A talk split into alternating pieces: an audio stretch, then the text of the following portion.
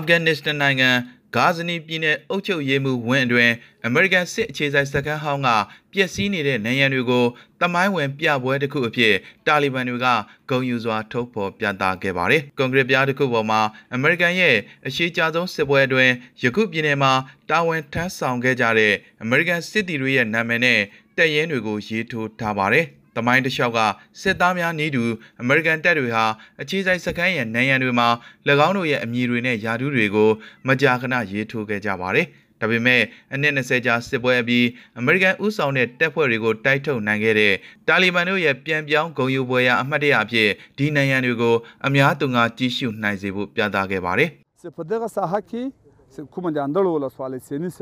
Sepedega sahaki kumandandolo la swale senisema ပဒေကအမေရိကန်ဒါခတ်တစီဟလ်ကလကရစီငါတို့အမေရိကန်တွေကိုအနိုင်ယူလိုက်တယ်ဆိုတာအာဖဂန်ကဘာကြီးနဲ့အနာဂတ်မျိုးဆက်သစ်တွေသိအောင်ဒါကိုပြသတာဖြစ်တယ်လို့တာလီဘန်ပြည်နယ်ယဉ်ကျေးမှုအကြီးအကဲမူလာဟာဘီဘူလာမူဂျာဟစ်က AFP ကိုပြောပြခဲ့ပါတယ်။ဒါတောင်သူတို့ကိုသူတို့ကဘာမှာအင်အားအကြီးဆုံးလို့ထင်နေကြတယ်လို့၎င်းကဆိုပါတယ်။ တာလီဘန်တပ်ဖွဲ့တွေဟာမြို့တော်ကဘူးတောင်ဘက်ကီလိုမီတာ150အကွာကဂါဇနီမြို့ကိုဩဂုတ်လ15ရက်မတိုင်မီ3ရက်အလိုမှာသိမ်းပိုက်ခဲ့ပါတယ်။ဒီဒေသဟာနှစ်ပေါင်း3500ကျော်တမိုင်းကျောင်းကိုပိုင်ဆိုင်ထားသလိုယခုအခါတာလီဘန်တွေက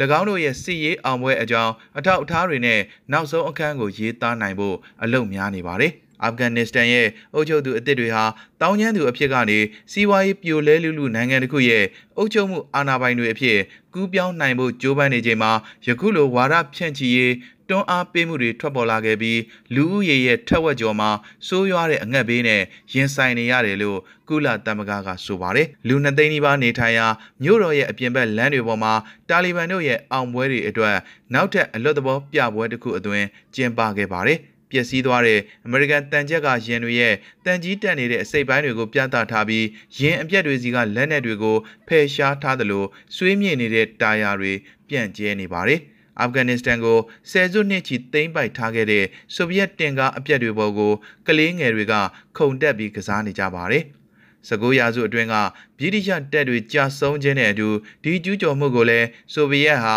အရှက်တကွဲနဲ့အဆုံးသတ်ခဲ့ရပြီးအာဖဂန်ဟာဒီကနေ့အချိန်မှာတော့ပြည်ပနိုင်ငံကြီး၃ခုရဲ့ကျူးကျော်မှုကိုအောင်နိုင်ခဲ့ပြီလို့လာရောက်ကြည့်ရှုသူတွေကိုပြောပြနေခဲ့ပါတယ်။ဒါကိုမြင်ရတဲ့အခါတိုင်း ကျွန်တော်တို့ရဲ့အောင်မြင်မှုအတွက်ဂုဏ်ယူမိပါတယ်လို့နိုင်ငံတွင်းကလူအများစုနီးတူနာမည်တစ်လုံးနဲ့မှဲ့ခေါ်ရတာကိုနှစ်သက်တဲ့အသက်16နှစ်အရွယ်တာလီဘန်တိုက်ခိုက်ရေးသမားဦးဇာယာကဆိုပါတယ်ဒီမြေမှာမွေးဖွားခဲ့ကြတဲ့အာဖဂန်လူမျိုးတွေဟာအင်အားကြီးနိုင်ငံဖြစ်တဲ့အမေရိကန်ကိုအနိုင်ယူခဲ့တယ်ဆိုတာကိုပြသနိုင်ခဲ့တယ်လို့၎င်းကထပ်လောင်းပြောကြားခဲ့ပြီးလဲကျနေတဲ့ဟန်ဘီကားတွေနဲ့မီးလောင်ကျွမ်းနေတဲ့ရုပ်အလောင်းတွေကိုစစ်တမ်းကောက်ယူခဲ့ပါတယ်။ အာဖဂန်နစ္စတန်ကိုအမေရိကန်ဦးဆောင်တဲ့တပ်တွေရဲ့ဆယ်စုနှစ်နှစ်ခုကြာသိမ်းပိုက်ခဲ့တဲ့အမတ်တရတွေနဲ့ရုပ်ကျွင်းအများပြားဟာနိုင်ငံတော်ဝန်မှာပြန့်ကျဲနေပြီးတချို့ပစ္စည်းတွေကိုတော့ပြန်လည်အသုံးပြုလို့ရနိုင်ပါတယ်။အာဖဂန်နစ္စတန်ရဲတပ်ဖွဲ့နဲ့လက်နက်ကိုင်တပ်ဖွဲ့တွေစီကိုပေးအပ်ထားတဲ့စစ်လက်နက်ပစ္စည်းအများပြားဟာအမေရိကန်ကြောတောင်နောက်ခံပြုအစိုးရရဲ့ဖယိုဖယဲနောက်ဆုံးနေ့ရက်တွေအတွင်းတာလီဘန်တို့ရဲ့လက်ကိုကြားရောက်ခဲ့ပါတယ်။ အဆိုပါလက်နက်တွေမော်တော်ယာဉ်တွေနဲ့ယူနီဖောင်းတွေဟာကပူးအုပ်ချုပ်သူအသစ်တွေအတွက်ထင်သာမြင်သာရှိပြီးပြတ်သားတဲ့အောင်ပွဲတွေကိုရရှိစေခဲ့တာဖြစ်ပါတယ်။မြို့တော်ဘေကျင်းဟာအိုလံပစ်ပြိုင်ပွဲကျင်းပမဲ့ဇုံတစ်ခုဖြစ်ပြီးလူ8000ဆန့်နဲ့ငှက်သက်အမျိုးအစားအားကစားကွင်းမှာဖွင့်ပွဲနဲ့ပိတ်ပွဲအခမ်းအနားတွေကိုကျင်းပမှာဖြစ်ပါတယ်။ 2008ခုနှစ်အားကစားပွဲလက်ကျန်နေရာတွေကိုအဆင့်မြင့်တင်ထားရမှာရခင် Water Tube ရေပေါ်ရေအောက်စင်တာကို Ice Tube အဖြစ်အဆင့်မြင့်တင်ထားသလို2008ခုနှစ်က Basketball နဲ့ဂျွန်ဘာအားကစားပွဲတွေကျင်းပရာပန်ကာပုံတရံအမျိုးသားမိုးလုံလေးလုံးအားကစားစင်တာနဲ့ဝူကီဆုံအားကစားစင်တာတွေကိုရေခဲပြင်ဟော်ကီကစားပွဲတွေအဖြစ်ပြောင်းလဲမွမ်းမံထားပါတယ်။ ဘေကျင်းရဲ့ရှီရင်ဆွဲအိုလံပစ်ပန်းချံအတွင်းတခုတည်းသောထက်စားမှုအသစ်ကတော့ပရိသတ်12000ဝန်ဆန်းတဲ့ဘဲဥပုံစကိတ်စီအားကစားယုံ Ice Ribbon ခမ်းမဖြစ်ပါတယ်။ဒါ့အပြင်မြို့ရဲ့အခြားအပိုင်းတွေမှာအလွတ်စကိတ်စီးခြင်းနဲ့ snowboard စီးခြင်းတို့လိုကစားနည်းတွေအတွက်နေရာသစ်မှာတည်ဆောက်ထားပါတယ်။မီတာ60မြင့်နဲ့ဘေကဲအပန်းဖြေရိတ်တာဟာတစ်ချိန်ကအလုသမားထောင်ပေါင်းများစွာတို့လောက်ကန်ရာတမ္မဏိဆက်ရုံဟောင်းတစ်ခုအတွင်းကျယ်ပြောလာတဲ့လေညင်းကန်တာဝါတိုင်း၄ခုရဲ့အရေးအောက်မှာရှိပြီးယခုအခါခင်မီတဲ့ဘားတွေစားတောက်ဆိုင်တွေနဲ့ရုံငန်းတွေဖွင့်လှစ်ထားပါတယ်။မြို့တော်ဘေကျင်းရဲ့အနောက်မြောက်ဘက်85ကီလိုမီတာကစင်ကြေဖုံးရက်ကွက်တစ်ခုဖြစ်တဲ့ရန်ချီအိုလံပစ်ဇုံဟာနှင်းလျှောစီအပန်းဖြေစခန်းတွေနဲ့ခမ်းနားတဲ့ဟိုတယ်များစွာတည်ရှိရာနေရာတစ်ခုဖြစ်ပါတယ်။၎င်းရဲ့မြို့သားနှင်းလျှောစီအားကစားကွင်းမှာတရုတ်နိုင်ငံရဲ့ပထမဆုံး Bosley Skeleton နဲ့ Lush လမ်းကြောင်းများတည်ရှိပြီးလူပေါင်း2000အတွက်ထိုင်ကုန်နေရာနဲ့မတ်တက်ကြီးရှုသူ8000ဝန်ဆန့်ပါတယ်။အနီးနားကတောင်ပေါ်နှင်းလျှောစီးကွင်းမှာတော့မီတာ900ထိဒေါင်လိုက်လျှောစီးခြင်းအတွက်ပြင်ဆင်ထားပြီးလူပေါင်း8500ဝန်ဆန့်တဲ့စင်တာအသစ်ဖြစ်ပါတယ်။ပေကျင်းမြို့ရဲ့အနောက်မြောက်ဘက်ကီလိုမီတာ180အကွာမှာရှိတဲ့ကြောင်ကြာခုမြို့နယ်လေးကို အကြားသောအိုလံပစ်ဘူဌာနနှစ်ခုနဲ့ချိတ်ဆက်ထားပြီးတနအီကိုအမြန်နှုန်းကီလိုမီတာ350အထိမောင်းနေနိုင်တဲ့မောင်းသူမဲ့ကြီးစံရထားတွေပြေးဆွဲဖို့လမ်းကြောင်းတစ်ခုကိုအစိုးရကစီစဉ်ထားပါတယ်။ လူကြိုက်များတဲ့အပန်းဖြေနေရဟာတကိုးနဲ့ကံကြမ္မာကိုကိုစားပြုတဲ့ရိုးရာရှူရီလှန်တန်နဲ့တူတဲ့တမယိုးကြမဟုတ်သောစကိတ်ခုံနေရာတစ်ခုကိုလည်းထည့်သွင်းထားပါတယ်။အလွတ်စကိတ်စီးနဲ့စနိုးဘုတ်စီးပြိုင်ပွဲတွေကျင်းပဖို့အတွက်စီစဉ်သူတွေဟာလက်ရှိအပန်းဖြေစခန်းကိုယာယီအသုံးပြုထားပါတယ်။တောင်တွေနဲ့ဝန်းရံနေပြီးဆွစ်ဇာလန်ပုံစံတစ်သားရင်တိုက်ခန်းတွေအများအပြားတည်ရှိရာကြောင်ကြာကိုဟာအချက်ချာကျတဲ့အိုလံပစ်ကြေးရွာကနေကီလိုမီတာအနည်းငယ်ပဲဝေးပါတယ်။ အားကစားသမားတွေနဲ့တာဝန်ရှိသူတွေစုစုပေါင်း6000ကျော်ကိုထားရှိဖို့အတွက်အချက်ချာကျတဲ့နေရာ၃ခုမှာအသစ်တိစောက်ထားတဲ့ရွာ၃ရွာရှိပါတယ်။အားကစားပြိုင်ပွဲအပြီးမှာတော့ရင်းတို့ကိုပြည်သူအများနေထိုင်ရာအိမ်ယာသို့မဟုတ်စီးပွားရေးပန်းခြံတွေအဖြစ်ပြောင်းလဲပြစ်မှာဖြစ်ကြောင်းသိရှိရပါတယ်။ Dutch ကျေးလက်ဒေသကကျယ်ပြောလာတဲ့ငွေမြူရေးချန်တစ်ခုအတွင်းမှာ ကော်နယ်ဒီရူဘီတယောက်၎င်းရဲ့နွားပေါက်လေးတွေကိုဘလောက်ထိအောင်ထိမ့်သိမ်းထားနိုင်မလဲဆိုတာကိုတွေးရင်နှမျောတတစွာနဲ့ပုတ်တက်နေပါတယ်။ ဝင်းမီရေးလုပ်ငန်းဟာနယ်သာလန်မှာဖန်လိုရင်တန်းခွေအဓိကထုတ်လွှတ်တဲ့လုပ်ငန်းတစ်ခုဖြစ်ပြီးရာသီဥတုဖောက်ပြန်မှုကမြေနှိမ့်လွယ်မြင်စကြက်မြေတွေကိုချိန်ချောက်လျက်ရှိနေပါတယ်။ Deze manier van dieren houden vind ik hartstikke mooi dus uh, dit is wel mijn lust en mijn leven. ဒါကကျွန်တော်ရဲ့ဝါသနာပဲလို့နယ်သာလန်တောင်ပိုင်းမှာနွားချန်နဲ့ကြက်ချန်တွေမွေးမြူထားတဲ့အသက်53နှစ်အရွယ်အမျိုးသားကဆိုပါတယ်။ဒီမွေးမြူရေးကိုရက်လိုက်ရင်ဒုက္ခရောက်ရမှာပဲလို့သူကပြောပါတယ်။နယ်သာလန်လယ်သမားတွေဟာ၎ င်းတို့လယ်မြေတွေကိုရာသီဥတုနဲ့လိုက်လျောညီထွေဖြစ်စေဖို့သို့မဟုတ်အလုတ်ကိုင်းပြောင်းလဲဖို့နောက်ဆုံးရွေးချယ်မှုဖြစ်တဲ့နွားမွေးမြူရေးလုပ်ငန်းကိုအစိုးရကတရားကြီးတစ်ခုစီတွန်းပို့နေတယ်လို့ဆိုပါတယ်။ညွန်မောင်းဆိုရဟာမြေဩဇာနဲ့တလိษံမစင်တို့ကထုတ်လွှတ်တဲ့ဖန်လုံအိမ်ဓာတ်ငွေတွေဖြစ်တဲ့အထူးသဖြင့်နိုက်ထရိုဂျင်ဓာတ်ငွေတွေထုတ်လွှတ်မှုကြောင့်နွားကြံတွေရဲ့အရွယ်အစားကိုလျှော့ချရမှာကူညီပေးနိုင်ဖို့2035ခုနှစ်ထိအောင်ယူရို25ဘီလီယံသုံးစွဲဖို့ယာထားထားပါတယ်။လူဦးရေ7.5သန်းရှိတဲ့နိုင်ငံငယ်လေးမှာတလိษံအကောင်ရေကပိုများနေပြီးနွားအကောင်ရေ4သန်းဝက်စတန်2သန်းနဲ့ကြက်အကောင်တန်း100ခန်းရှိပါတယ်။နယ်သာလန်ဟာအမေရိကန်ပြီးရင်ကမ္ဘာဒုတိယအကြီးဆုံးစိုက်ပျိုးမွေးမြူရေးထွက်ကုန်တင်ပို့တဲ့နိုင်ငံဖြစ်ပေမဲ့နိုင်ငံရဲ့ဖန်လုံရင်တန်းငွေထုတ်လွှတ်မှု16ရာခိုင်နှုန်းဟာစိုက်ပျိုးမွေးမြူရေးကဏ္ဍအတွက်တာဝန်ရှိနေပြီးနွားတွေဟာ၎င်းတို့ရဲ့အစာချေစနစ်ကနေပြင်းထန်တဲ့ဖန်လုံရင်တန်းငွေတွေဖြစ်တဲ့မီသိန်းတန်းငွေတွေအဓိကထုတ်လွှတ်ပါတယ် အစိုးရကတောင်သူတွေရဲ့မွေးမြူရေးလုပ်ငန်းတွေကိုရှော့ချဖို့ပြန်လည်ပြင်ဆင်ဖို့နဲ့စမ်းသစ်တီထွင်ဖို့တွေအပြင်ဖြစ်နိုင်ရင်တဘာဝဘေးမဲ့တောတွေအနီးကမြေတွေမှာပြောင်းလဲလုပ်ကင်ကြဖို့အတွက်အကူအညီပေးနိုင်ဖို့ရည်ရွယ်ထားပါတယ်။ဒါပေမဲ့လိုက်နာဖို့ပြက်ကွက်ပါကလယ်သမားတွေထံကလယ်မြေတွေသိမ်းယူခြင်းလို့အလွန်ထိလွယ်ရှလွယ်တဲ့ခြေလှမ်းများကိုပါလှမ်းလာနိုင်တယ်လို့အစိုးရကသတိပေးထားပြီးအစိုးရအနေနဲ့ရွေးချယ်စရာမရှိဘူးလို့အခိုင်အမာဆိုပါတယ်။ ဖန်လိုရင်တန်းငွေထုတ်လွှတ်မှုရှော့ချရေးနဲ့ပတ်သက်ပြီးတဘာဝပတ်ဝန်းကျင်ထိန်းသိမ်းရေးအဖွဲ့တွေက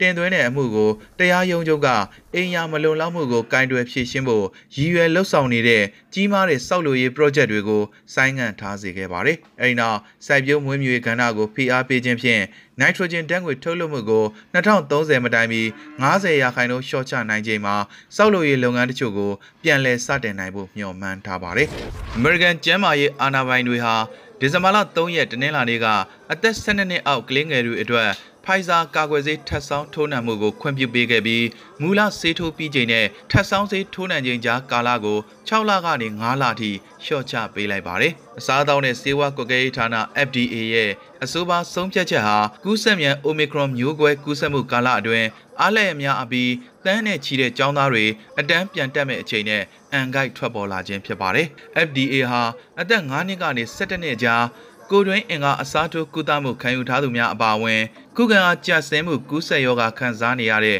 ကလေးငယ်များအတွက် Pfizer ရဲ့ထပ်ဆောင်းကာကွယ်ဆေးထိုးနှံခွင့်ကိုအတည်ပြုပေးခဲ့ပါတယ်။ အထူးသဖြင့်အသက်12နှစ်ကနေ15နှစ်ကြားကလေးထောင်ပေါင်းများစွာကိုထပ်ဆောင်ကာကွယ်ဆေးထိုးနှံပေးပြီးဖြစ်တဲ့အစ္စရေးစီကဒေတာတွေကိုမိခိုနေရတယ်လို့အေဂျင်စီကပြောကြားခဲ့ပါတယ်။အစ္စရေးမှာအသက်16နှစ်နဲ့အထက်လူပေါင်း ၄တသမတတန်းကျော်ကိုကနူးကာဝယ်ဆေးနှစ်ကြိမ်အပြင်နောက်9လအကြာမှာထပ်ဆောင်ကာဝယ်ဆေးထိုးနှံပေးခဲ့ပေမဲ့စိုးရင်စရာဘေးထွက်ဆိုးကျိုးများထွက်ပေါ်လာခြင်းမရှိကြောင်း FDA ရဲ့ထုတ်ပြန်ချက်မှာဖော်ပြထားပါတယ်။6လမစောင့်တော့ဘဲ9လနဲ့ထပ်ဆောင်ကာကွယ်ဆေးထိုးနှံဖို့ခွင့်ပြုလိုက်တာဟာလူတူချင်းစီအတွက်ကူးစက်မြန်တဲ့ Omicron မျိုးကွဲကနေပုံမကောင်းမွန်စွာကာကွယ်မှုပေးနိုင်ပါတယ်လို့ဆိုပါတယ်။ အမေရိကန်ယောဂထိန်းချုပ်ရေးနဲ့ကာကွယ်ရေးဗဟိုဌာနဟာလာမယ့်ရက်များအတွင်းလှုပ်ဆောင်ဖို့မျှော်လင့်ထားတဲ့ဆုံးဖြတ်ချက်တွေအတွက်၎င်းရဲ့နောက်ဆုံးအတည်ပြုချက်ကိုပေးဖို့လိုအပ်နေပါသေးတယ်။ John Hopkins တက္ကသိုလ်ကစုဆောင်းရရှိခဲ့တဲ့အချက်အလက်များအရအမေရိကန်ပြည်ထောင်စုဟာ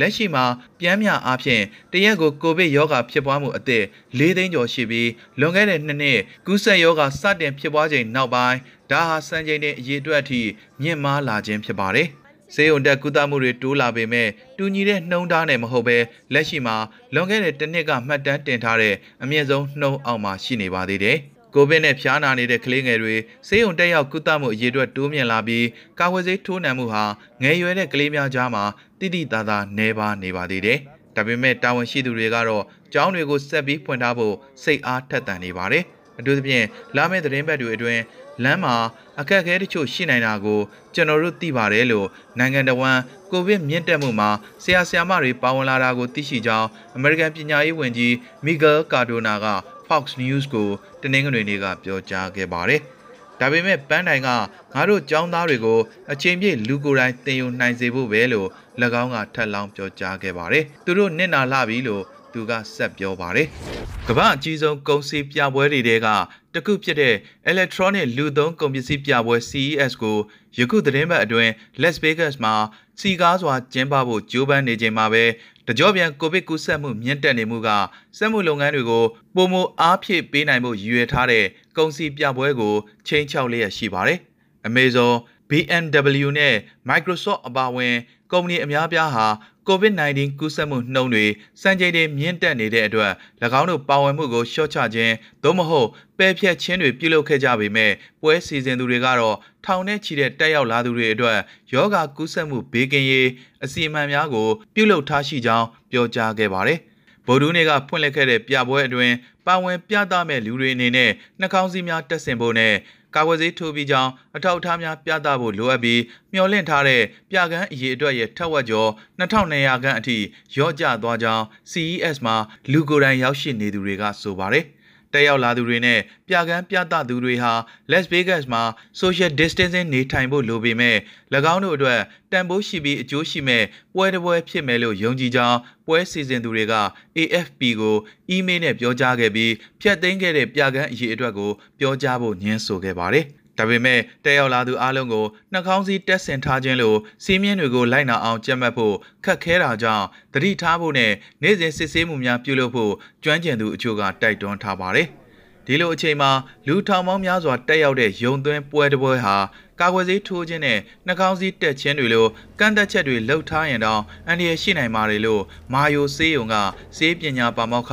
ဘင်းစင်ရာကူမာက AFP ကိုပြောကြားခဲ့ပါတယ်။ ဖြတ်သိမ်းထားတဲ့ပြကန်းကွက်လက်တွေရှိနေနိုင်တယ်လို့စီစဉ်သူတွေကဝန်ခံထားတဲ့ပြကန်းတွေထဲမှာမောင်းသူမဲ့ကားတွေလုပ်ငန်းသုံးအာဃာတပြန်တမ်းမှုတွေ NTF Digital ပစ္စည်းတွေ Electronic အိမ်သုံးပစ္စည်းတွေနဲ့ခေတ်ပေါ်အသုံးဆောင်တွေလိုနောက်ဆုံးပေါ်နည်းပညာပစ္စည်းမျိုးစုံပါဝင်နိုင်ပါတယ်။ Major Wall Street ရဲ့အညွှန်းကိန်းတွေကိုဒီဇင်ဘာလ3ရက်တနင်္လာနေ့ကစံချိန်သစ်တွေနဲ့ပိတ်ခဲ့ပြီး2022အဖွင့်ကိုမြင့်မားတဲ့အတိုးနှုန်းအတွက်မျှော်လင့်ထားတဲ့ Apple ကဒေါ်လာ3 trillion တန်ဖိုးကိုခေတ္တရောက်ရှိခဲ့ပါတယ်။ Dow Jones Stock ဈေးကွက်အညွှန်းကိန်းမှာ36585.36နဲ့3.8ရာခိုင်နှုန်းတက်သွားခဲ့ပြီးစံချိန်တင်ခဲ့သလိုကျယ်ပြန့်တဲ့အခြေခံဈေးကွက် S&P 500က4996.56နဲ့3.6ရာခိုင်နှုန်းသို့ခုန်တက်သွားခဲ့ပါတယ်။နေပညာဆိုင်ရာ Nasdaq Composite အညွှန်းကိန်းကလည်း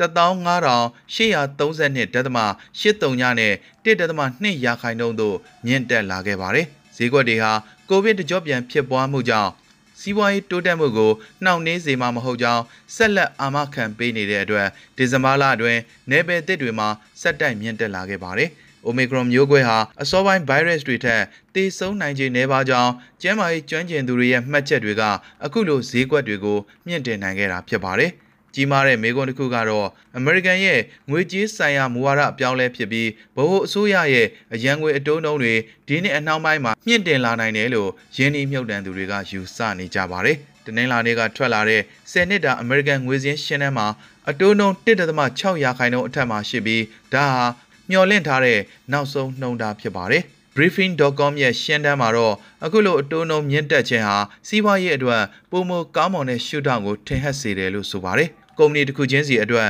တယ်ဆာဟာ2021ခုနှစ်အတွက် model အားလုံးပေါင်းကားအစီးရေ9,3600ကျော်ကိုရောင်းချခဲ့ရကြောင်းနဲ့အစီရင်ခံစာအရတယ်ဆာဟာ73.5ရာခိုင်နှုန်းတိုးတက်ခဲ့ပြီးအားကောင်းတဲ့စတုထ3လပတ်အပြီးမှာရခင်နှစ်တွေကထက်89ရာခိုင်နှုန်းတိုးတက်လာခဲ့တယ်လို့ဆိုပါတယ်။ကယောဂါကာလအတွင်းနည်းပညာလုပ်ငန်းတွေထဲမှာ Apple ကနောက်ဆုံးတရုပ်ပြမှုအပြီး2.5ရာခိုင်နှုန်း ပိုမိုတိုးတက်လာခဲ့ပြီးဈေးကွက်အရင်ဒီဒေါ်လာ3ထရီလီယံနီးပါးကို ရောက်ရှိလာခဲ့ပါတယ်။ဆီလီကွန်တောင်ကြားယဉ်ကျေးမှုကိုစွဲချက်တင်ခြင်းလို့ရှုမြင်ခံရတဲ့ဟိုးလေးတကြောအမှုတစ်ခုမှာတီရန်နိုရဲ့သွေးစစ်ဆေးမှုကိရိယာတစ်ခုနဲ့ပတ်သက်ပြီးယင်းဒီမြုပ်နှံသူတွေကိုလိမ့်လဲလှည့်ပြားမှုအတွက်အပြစ်ရှိကြောင်းဒီဇင်ဘာလ3ရက်တနင်္လာနေ့ကဆုံးဖြတ်ခဲ့ပါတယ်။ Holmes ဟာ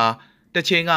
မရေမတွက်နိုင်တဲ့ချမ်းသာကြွယ်ဝမှုအတွက်ကတိပေးခဲ့ပြီးငွေကြေးများဆုံးရှုံးကပြိုလဲသွားတဲ့ကုမ္ပဏီများစွာပါဝင်နေတဲ့ကဏ္ဍတစ်ခုအတွင်းမှာမီးတောက်နေတဲ့ကုမ္ပဏီကိုဖျက်ချော်နိုင်ဖို့ကြိုးပမ်းခဲ့တဲ့နည်းပညာဆိုင်ရာ အမှုဆောင်တို့ရဲ့ရှားပါဥပမာတစ်ခုဖြစ်လာပါတယ်။ Holmes ရဲ့အမှုဟာလုပ်ငန်းအသွင်သဏ္ဍာန်ဆောင်တဲ့ဇွတ်အတင်းလောဆော်မှုတွေနဲ့ရာဇဝတ်မှုမြောက်တဲ့မယိုးသားမှုကြားကမှုံဝါးဝါမြင်းချောင်းတစ်ခုကိုမိမောင်းထိုးပြခဲ့ပါတယ်။ တရားသူကြီးတွေဟာ၎င်းတို့ရဲ့စီရင်ချက်ကိုချမှတ်ဖို့9ရက်ကြာစိတ်စိတ်ဆက်ဆက်ဆုံးဖြတ်ခဲ့ရမှာစာဦးစမ်းသပ်မှုနည်းပညာတစ်ခုအဖြစ်အကိုင်းမှာဆိုပြီးရင်းနှီးမြှုပ်နှံသူတွေကိုလှည့်ပြားမှု၄ခုနဲ့အပြစ်ရှိကြောင်းတွေ့ရှိခဲ့ကြပါတယ်။ဒါပေမဲ့ရှုပ်ထွေးလာတဲ့တက်တဲ့အထောက်အထားတွေကိုသတင်းပတ်ပေါင်းများစွာကြားနာခဲ့တဲ့ဗုတ်အဖွဲ့ကတော့စွဲချက်၄ခုအတွက်သူမကိုတရေသေးလွှတ်ပေးခဲ့ပြီးကြံစွဲချက်၃ခုအပေါ်စီရင်ချက်ချမှတ်ဖို့ကြံနေပါသေးတယ်။ ဒီအမှုအတွက်ပြည်ထန်စီရင်ချက်ကရင်းနှီးမြှုပ်နှံသူများအပေါ်အကြီးစားလိမ်လည်မှုအတွက် Mrs. Home မှာအပြစ်ရှိကြောင်းထင်ဟပ်နေပြီးသူမဟာရာဇဝတ်မှုတွေအတွက်စီရင်ချက်ချမှတ်ခံရမှာဖြစ်ပါတယ်လို့တရားရုံးအပြင်ဘက်မှာဖတ်ကြားခဲ့တဲ့ပြင်ဆင်ထုတ်ပြန်ချက်မှာ American ရှေ့နေ Stephanie Haynes ကဆိုပါတယ်။ယူကန်ဝင်ဖို့ရှိမရှိမေးမြန်းချက်ကိုတော့ Holmes က မှတ်ချက်ပြုဖြေကြားခဲ့ခြင်းမရှိပါဘူးအသက်38နှစ်အရွယ်သူမဟာဒီအပြစ်ဒဏ်စီရင်ချက်တစ်ခုစီအတွက်အနှစ်20စီအကျဉ်းချခံရနိုင်ခြေရှိနေပါတယ်လာမယ့်သတင်းပတ်အတွင်းအာမခံစီးမြင်းများနဲ့ပတ်သက်ပြီးနောက်ထပ်ကြားနာစစ်ဆေးမှုတွေမပြုလုပ်မီထိလွတ်လွတ်လပ်လပ်နေနိုင်မှာဖြစ်ပြီးရင်းအတွက်အမိန့်ချမှတ်မဲ့ရက်ကိုမတတ်မှတ်ရသေးပါဘူး။ Holmes ဟာသွေးအနှဲငယ်ရယုံနဲ့ စမ်းသပ်မှုများစွာကိုပြုလုပ်နိုင်မဲ့သွေးစစ်ဆေးချက်နဲ့ကျန်းမာရေးဆိုင်ရာယောဂါရှာဖွေမှုတွေကိုတော်လန်ပြောင်းလဲပြစ်မယ်လို့ဂရုပြုခဲ့ပြီးခိုင်မာတဲ့ကြောတောင်နောက်ခံတွေကိုဆွဲဆောင်နိုင်ခဲ့တာကြောင့်အသက်30အရွယ်မှာဘီလီယံနာတူဖြစ်လာခဲ့ပါတယ်။သူမကိုမဂ္ဂဇင်းမျက်နှာဖုံးတွေမှာနေပညာအမျောမြင်ကြီးသူအဖြစ်ချီးကျူးခဲ့ကြပြီးရင်းနှီးမြှုပ်နှံသူတွေရဲ့ငွေသားအများပြားကိုတည်ယူနိုင်ခဲ့ပါတယ်။ ဒါပေမဲ့ Wall Street Journal ကနေသူမရဲ့ဂရိပြုထားတဲ့ဆက်တွေအလုံးမလုံးကြောင်းထုတ်ဖော်ခဲ့ပြီးတဲ့နောက်အရာအလုံးပြိုကျသွားခဲ့ပါတယ်။သူမဟာနေပညာပိုင်းဆိုင်ရာမအောင်မြင်မှန်းသိခဲ့ပေမဲ့ရင်းနှီးမြှုပ်နှံသူတွေနဲ့လူနာတွေကိုတမင်တကာလှည့်စားခဲ့ကြောင်းအစိုးရရှေ့နေတွေကတပ်သေးနှစ်ဒါဇင်ကျော်ကိုသတင်းဆက်တစ်ပတ်ကြာစစ်ဆေးပြီးနောက်ပိုင်းသိရှိခဲ့ပါတယ်။ပထမတော့အားလုံးကကျမကိုအယူလို့ထင်ကြတယ်။နောက်တော့ရန်ဖြစ်ကြတယ်။ နောက်ဆုံးတော့ကျမကကဘာကြီးကိုရုတ်တရက်ပြောင်းလဲပစ်လိုက်တယ်လို့ TV အင်တာဗျူးတစ်ခုမှာသူမကပြောကြားခဲ့ပူပါတယ်။ပြင်းထန်တဲ့ရာသီဥတုကြောင့်အားလျက်သတင်းပတ်များအတွင်းလေရင်ခီးစဉ်ဖျက်သိမ်းမှုတွေနဲ့ကိုဗစ်ဖြစ်ပွားမှုတွေစံချိန်တွေမြင့်တက်လာခဲ့ပြီးတဲ့နောက်ဒီဇင်ဘာလ3ရက်တနင်္လာနေ့ကအင်အားပြင်းစောင်းရသည့်မုန်တိုင်းတစ်ခုထပ်မံဝင်ရောက်လာတဲ့အတွက်အမေရိကန်ရဲ့တည်ယူပို့ဆောင်ရေးကဏ္ဍကိုတုံ့လှုပ်သွားစေခဲ့ပြီးအစိုးရရုံးတွေနဲ့ကျောင်းတွေကိုပိတ်ပစ်ခဲ့ရပါတယ်။ရာသီဥတုဆိုးရွားမှုနဲ့ လေကြောင်းလိုင်းဝန်ထမ်းတွေရဲ့မပြေလည်မှုတွေကြောင့်ဒီဇင်ဘာလ24ရက်နေ့မှာစတင်ကလေကြောင်းခီးစဉ်ထောင်ပေါင်းများစွာကိုဖျက်သိမ်းခဲ့ရပြီးခရစ်စမတ်နဲ့နှစ်တကူကာလအပြီးအမေရိကန်အများပြားဟာနေအိမ်တွေကိုပြန်ဖို့ရုံရင်းဆန်ကပ်ဖြစ်ခဲ့ကြရပါတယ်။ 2022ခုနှစ်ရဲ့ပထမဆုံးအလုတ်စင်းရက်ဖြစ်တဲ့တနင်္လာနေ့ကလေကြောင်းခီးစဉ်3500နီးပါးကိုနနက်9:45မိနစ်ကနေစတင်ဖျက်သိမ်းခဲ့ရပြီးအမေရိကန်ကထွက်ခွာမဲ့သို့မဟုတ်ဆိုက်ရောက်မဲ့နိုင်ငံတကာလေကြောင်းလိုင်းတွေနဲ့ပြည်တွင်းခီးစဉ်တွေပါဝင်ကြောင်း Flight Aware website ကဆိုပါတယ်။ American လေကြောင်းခီးစဉ်2900ကိုတနင်္ဂနွေနေ့ကဖျက်သိမ်းခဲ့တယ်လို့စနေနေ့ကလည်း2950ဖျက်သိမ်းခဲ့ရတဲ့အတွက်အားလျက်ခီးသွားလာမှုအဆုံးသတ်မှာစိတ်ဆင်းရဲစရာတွေနဲ့ကြုံတွေ့ခဲ့ရပါတယ်။မင်းတို့ DCA ကခီးစဉ်တိုင်းကိုဖျက်သိမ်းနေတော့မှလားငါတို့အိမ်ပြန်ဖို့အရေးကြီးနေပြီလို့ခီးတဲ့တူဖြစ်တဲ့ Kylie Haru ကဝါရှင်တန်မြို့သားလေဆိပ်ရဲ့ Twitter အကောင့်မှာရေးသားခဲ့ပါတယ်။ မြို့တော်နဲ့အတ္တလန်တစ်အလဲပိုင်းဒေသတချို့မှာစောင်းရာသီမှုန်တိုင်းကြောင့်နှင်းငယ်များကြာရောက်နေပြီးဝါရှင်တန်မှာနှင်းတူ9လက်မကနေ10လက်မအထိရှိနိုင်တယ်လို့ဆိုပါတယ်။မိုးတဲထန်စွာရွာသွန်းမှုနဲ့လေပြင်းတိုက်ခတ်မှုတွေကြောင့်လမ်းမတွေပေါ်မှာဓာတ်အားပြတ်တောက်မှုတွေဖြစ်ပေါ်နိုင်တယ်လို့အမျိုးသားမိုးလေဝသဌာနကသတိပေးချက်ထုတ်ပြန်ထားပြီးလျှက်စီးကြောင်းနဲ့မိုးကြိုးထစ်ချုံမှုတွေပါဝင်နိုင်တဲ့မိုးကြိုးနှင်းမုန်တိုင်းတွေဖြစ်ပွားလာနိုင်တယ်လို့ဆိုပါတယ်။ မြို့တော်ရဲ့အနီးတစ်ဝိုက်ရှိဗဟိုအစိုးရဝန်ထမ်းတွေကိုအိမ်တွေအတွင်းမှာပဲနေထိုင်ကြဖို့ညွှန်ကြားထားပြီးကိုရိုနာဗိုင်းရပ်စ်နှစ်နှစ်တာကာလအတွင်းပုံမှန်လိုဖြစ်လာတဲ့ work at home ပုံစံကြောင့်အစိုးရအတွက်မြည်မြထိခိုက်ခဲ့တယ်ဆိုတာကိုရှင်းရှင်းလင်းလင်းမသိရသေးပါဘူး။ဒါပြင်စီးနှင်းကြောင့်စာသင်ကျောင်းတွေကိုလည်းပိတ်ထားခဲ့ရပါတယ်။ ကမ္ဘာနဲ့တဝမ်းမှာအလွန်ကူးစက်တတ်တဲ့ Omicron မျိုးကွဲပြန့်နှံ့မှုနဲ့ဆက်ဆက်ပြီးလေကြောင်းလိုင်းဝန်ထမ်းအခက်အခဲတွေကြောင့်အားလျက်များအတွင်းလေကြောင်းသွားလာမှုပြဿနာတွေနဲ့စုညံနေခဲ့ပါတယ်။